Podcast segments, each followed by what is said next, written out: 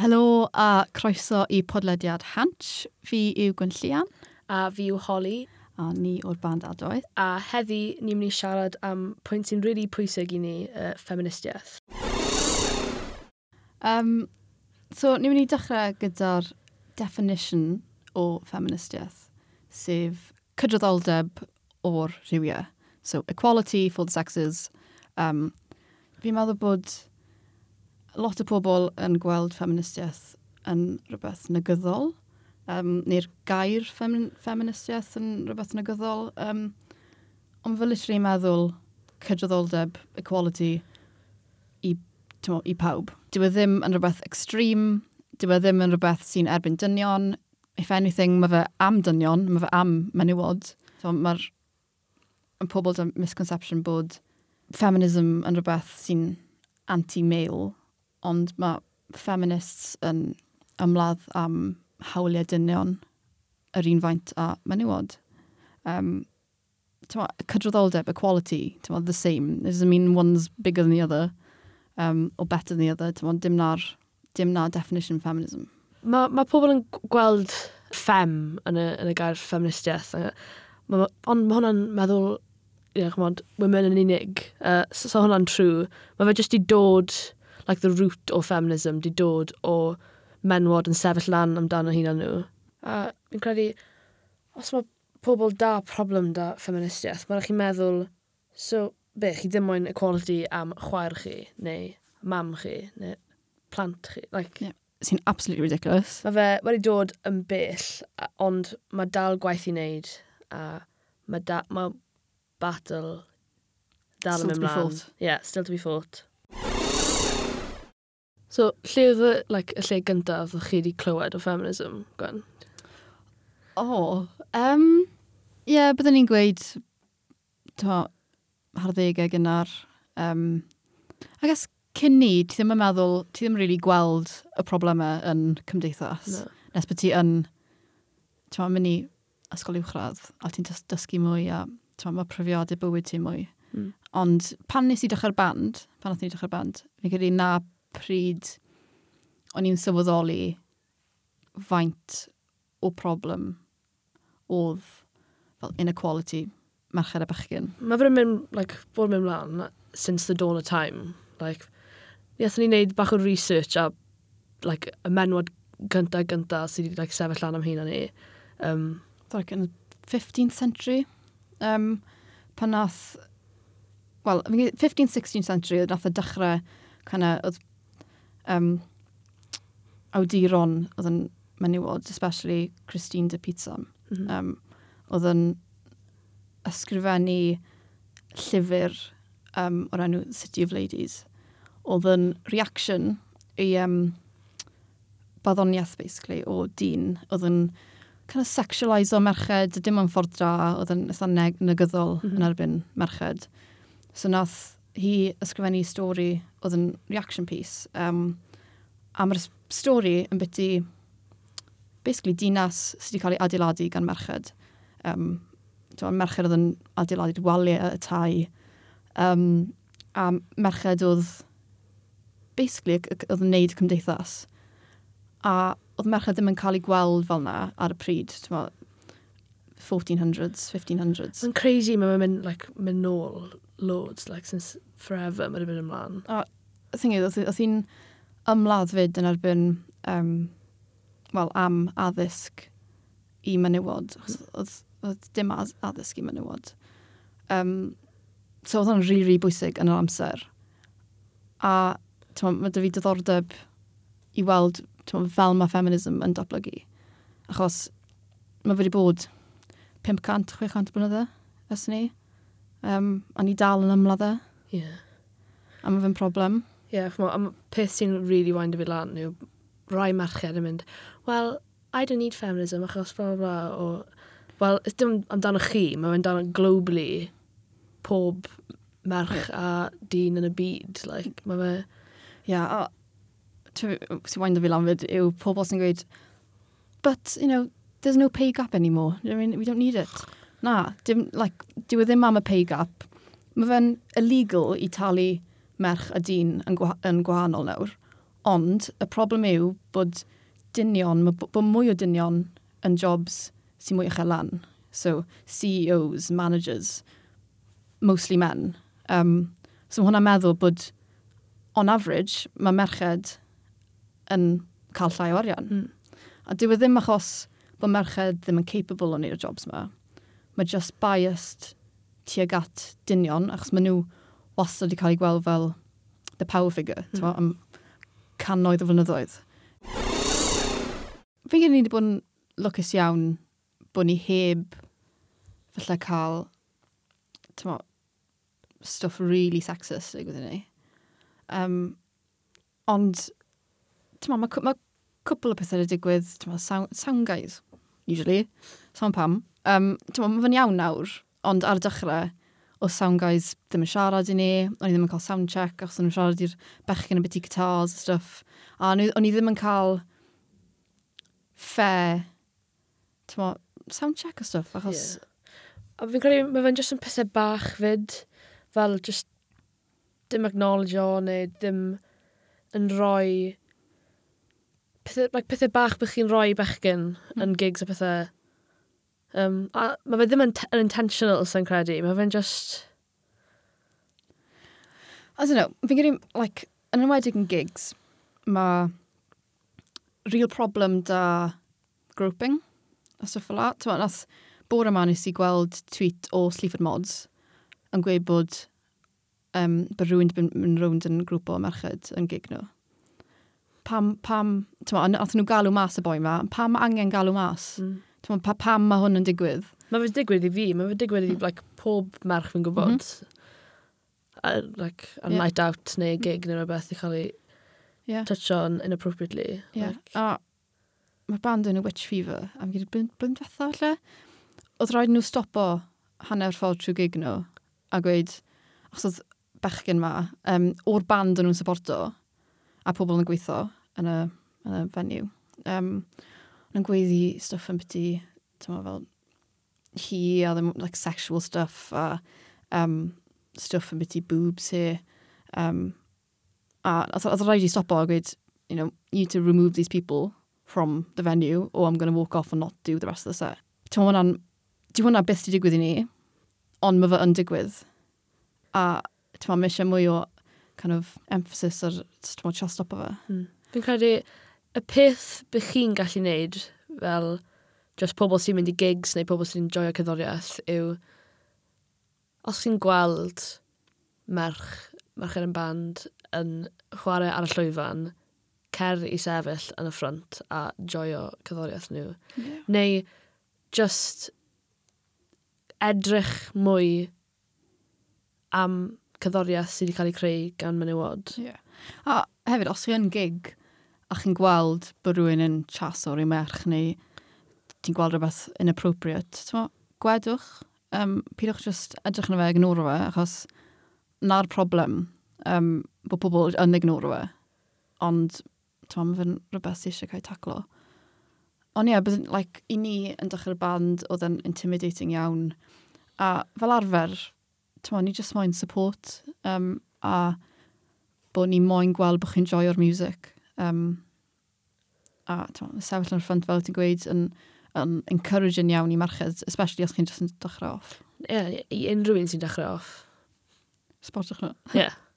sport the scene.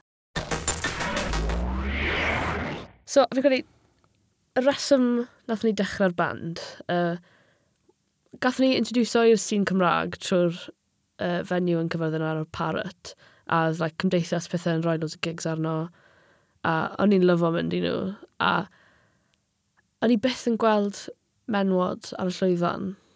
Byth. A athyn ni maes bi yn 2015. A o'n i'n meddwl, o, oh, byd ni'n gallu neud hwn. byd ni'n neud. Ie. Yeah. Cyn i, oedd, wylwn ni HMS Morris chwarae cwbl o weithio. Um, Annie Glass a Gwenno. Ond, really, oedd cynlleoedd y merched, um, So o'n i edrych ar trial, edrych ar line-ups maes fi am y blynyddoedd diwetha. A literally dim merched y gwbl, hardly. Yeah. Um, a tyma, dim bai yr ystaddfod yna, ond tyma, mae ma fe'n problem worldwide. Mae ma angen encourage o merched um, a rhoi platform i merched chwarae.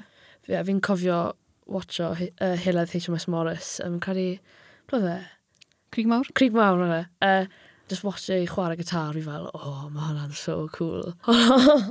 fi really moyn bod hi, so I think hi oedd un o'r inspirations i fi. Yeah. Dechrau yn y sy'n Cymraeg. A pe os o'n i'n gwrando i, pryd ni'n like, dechrau'r band, dwi'n cael ei Staves. Staves, First Aid Kit. Um, Cyn oedd Staves yn huge inspiration i fel band. Ond ni beth yn kind of acknowledge hwnna. Na, fy mo, so'n siŵr pam. Y Staves yw tri chwaer sy'n chwarae dy gilydd. Ie. Yeah. Um, Maen nhw'n ei fel acoustic i folk stuff, ond mae'r stuff yn absolutely beautiful. Crazy harmonies. Ie, yeah, so nath hwnna rili really ysbrydoli ac tri merch mewn band unheard of, really, i ni yn ifanc. Yn credu, pryd o fi'n ysgol o gwrando cyddoriaeth, pryd o fi'n eitha ifanc, oedd yn cymryd tymor bach o amser i like, sylweddoli bod lot o'r cyddoriaeth fi'n gwrando arno wedi cael ei wneud gan dynion. A oedd e ddim cyn i fi really edrych nes i ffeindio cyddoriaeth. Oedd rhaid i really chwilio. Um, achos fi'n credu, so cyddoriaeth sydd wedi cael ei wneud gan menywod yn cael ei presento yn yr un ffordd, neu hybu yr un ffordd a cyddoriaeth sydd wedi cael ei wneud gan dynion.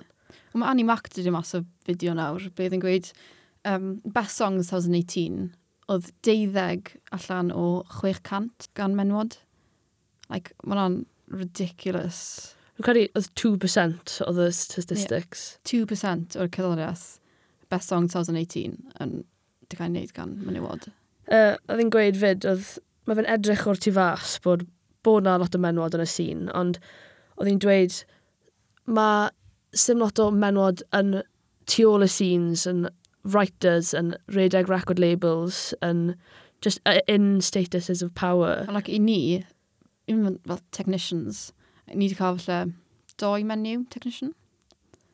Yn y pedwar blynedd ni wedi bod ar ei gilydd. Ie, yeah, dwy. Hmm. Ond mae'n mad, yr un peth y promoters, dim lot o promoters sy'n sy fenyw, um, head o record labels, ti'n meddwl, mae'n unheard of, really. A athyn ni um, Sony yn Llundain, cwbl o thnos yn ôl. A allan oedd probably fyddi 15, 20 o fel scouts a stuff. Dim ond un menyw oedd yna. Oedd menwod ar y reception, obviously. Hmm. Um, ond yn actually neud y gwaith o dim menwod. A mae hwnna'n really drist achos mae menwod yn capable o wneud e. Tyma, maen nhw gallu wneud e ond maen nhw ddim yn cael opportunities wneud e.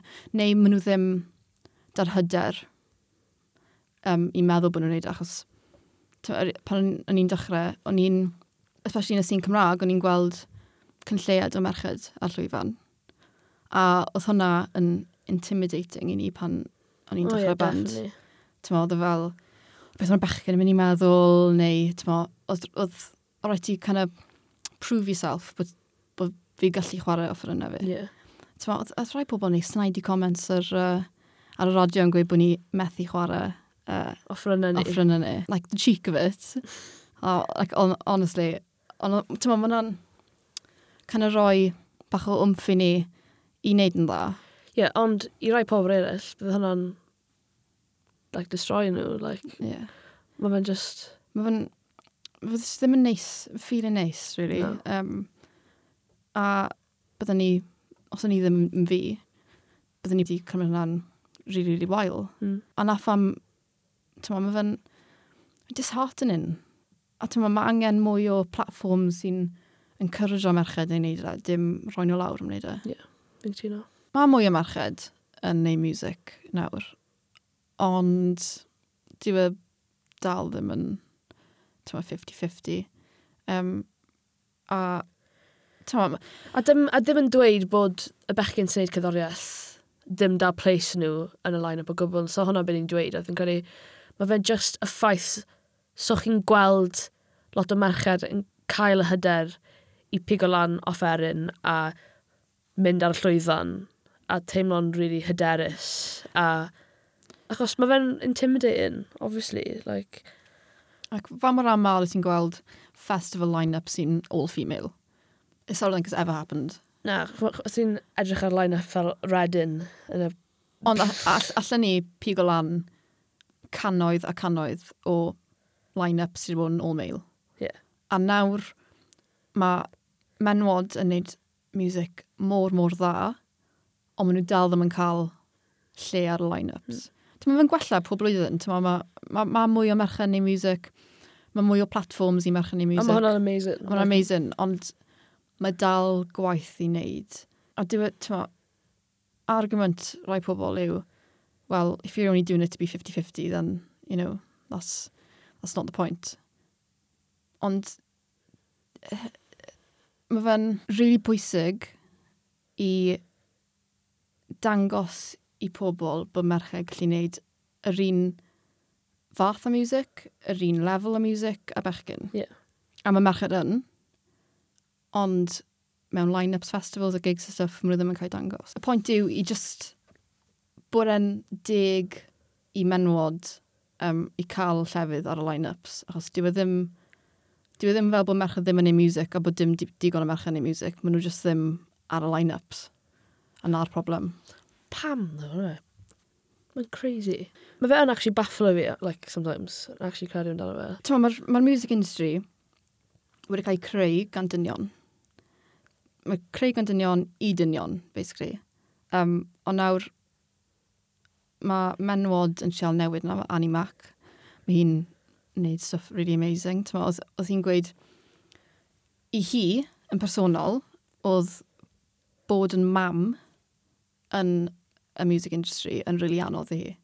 Um, achos oedd hi'n gweld y bechgyn, oedd yr un lefel o hi, yn yn mynd dros y byd i gyd yn DJ-o yn cael jobs ma, lle oedd hi methu wneud e achos oedd da hi plant, mm.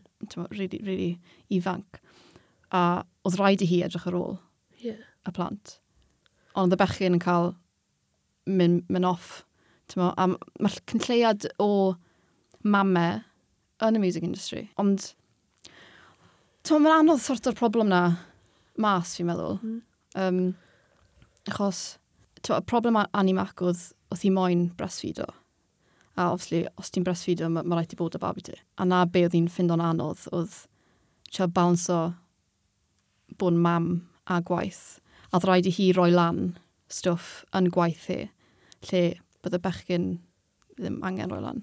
Ie. Yeah. Nathon ni fel band dechrau prosiect o'r enw Fem, sydd basically gigs gyda female artists um, yn yng Nghymru ac yn bellach. Um, mae fe'n just yn safe space i fenywod performio, i pobl dod i weld y men menywod great yn y sîn. Mae'r gigs ni wedi gwneud yn barod wedi bod mor positif um, a mae'r atmosffer mor positif a mor neis um, a yn really supportive a tyma, os chi'n merched sy moyn dechrau mynd i gigs, neu moyn dechrau neu music, neu be bynnag, tyma, mae fy'n ffordd rili dda o tyma, introduce diante i'r i'r sîn. A dde just yn credu, un o'r inspirations masif o'n i i Fem oedd o'n i'n just moyn cael hwnna pryd o'n i'n dechrau. A i ni, os mae dan ni platform ni just moyn roi nôl i'r sîn a roi nôl i'r merched sy'n dechrau mhm. bands. They just eisiau bach o hyder, like, ni just moyn dweud mae'n iawn. Do your thing. Ys mae'n egluro bod fem i pawb. Um, mae'r gigs dim, dim ond i merched. A mae'r pobl sy'n chwarae ar y llwyfannau, so nhw gyd yn merched. So mae'r ma, members o'r bands yn bechgyn fyd. Um, a mae fe jyst yn, yn beth roi support i, i bands bydde ddim probably yn cael gymaint o support os nhw'n bechgyn. A dwi e ddim yn ffordd o'n i'n mynd fel, o, bechgyn math o'r ffordd ni ma nawr, ond mae fe'n just yn hybu a just support o yeah. popeth mae fe'n fenywod yn neud yn y sîn. Yn wedig yn y sîn Cymraeg, mae gen i mae bands Cymraeg yn edrych lan at bands Cymraeg arall i ni music. Um, os mae fe'n Cymraeg yn ei Saesneg, fi'n cymryd mae'n Mae mae te teddiad i wneud na. So, os mae merched, mwy o merched yn mynd i gigs, sa'n gweld lot o merched yn gigs, really, lot, mm. chwaith. Ond os mae mwy o merched yn gweld y mini gigs, yn gweld mwy o merched ar llwyfan, ti'n ma, maen dangos bod merch gallu wneud e. Mm. Um, lle, os ti ddim yn gweld e, ti ddim yn mynd i credu bod e'n gallu digwydd. Mae'r ma sîn yn male-dominated, a dylai fe ddim fod yn male-dominated, so mae'n ysweithi fel yn, yn kind of rhoi cic i'r uh, scene i cael y newid bach. So, uh, Elan Evans wedi dechrau prosiect gyda My Spear Saddfod um, o'r enw Marchenni Music, sef string o workshops ar gyfer merched um, 16 plus. So mae ma Elan wedi trefnu, wedi tri workshop nawr, a tri gig i kind of introduce nhw i gwahanol fath o creu music fel i creu music, fel i cael like, can o penti ar papur. A tyma, stuff tyma, mor syml fel fel i dal gytar, neu fel i dal bass, neu fel i istedd ar drums, achos wyt teimlo fel bod, achos mae ma cynlleiad o merched yn neud music, bod tyma, merched yn, yn ffindio fe'n anodd falle i pigo lan offeryn a just chwarae fe. Oedd e lan yn gweud trwy fel profiadau hi, oedd hi'n dechrau chwarae bass guitar, oedd hi'n cael gwersi a stuff, a wedyn dath bechgyn joino'r grŵp a oedd hi'n teimlo'n intimidated a nath hi stopo. So mae'r ma, merched neu music yn ffordd o cael grŵp o merched sy'n cyffyrddus rhwng i gilydd. Eisiau gwneud music, cael chat, siarad, um, just one to one ti'n meddwl nhw'n cael chance i creu can dy, dy merched arall. Um, mewn setting sydd ddim yn intimidating neu yn judgmental o gwbl. Mae'n really good experience i unrhyw un sy'n mwyn dechrau. A even os chi ddim mwyn dechrau, just, ti'n ewch. A os chi ddim yn lygo fe, chi ddim yn lygo fe. Ond falle ewch chi, a i'n like, oh, fi actually really mwyn chwarae drums, neu fi really mwyn chwarae guitar, actually. A hyd yn oed os like, dim ond dau o bobl sy'n mynd o'r sesiwn yma yn actually dechrau fe, mae ma hwnna'n mynd i wneud difference yn hyn yna. Like. Yeah, so, mae cynlleir y merch yn neud e anyway, mae doi merch yn dechrau band ag mm. iddi. Mae hwnna'n really, really good yn y sy'n Cymraeg.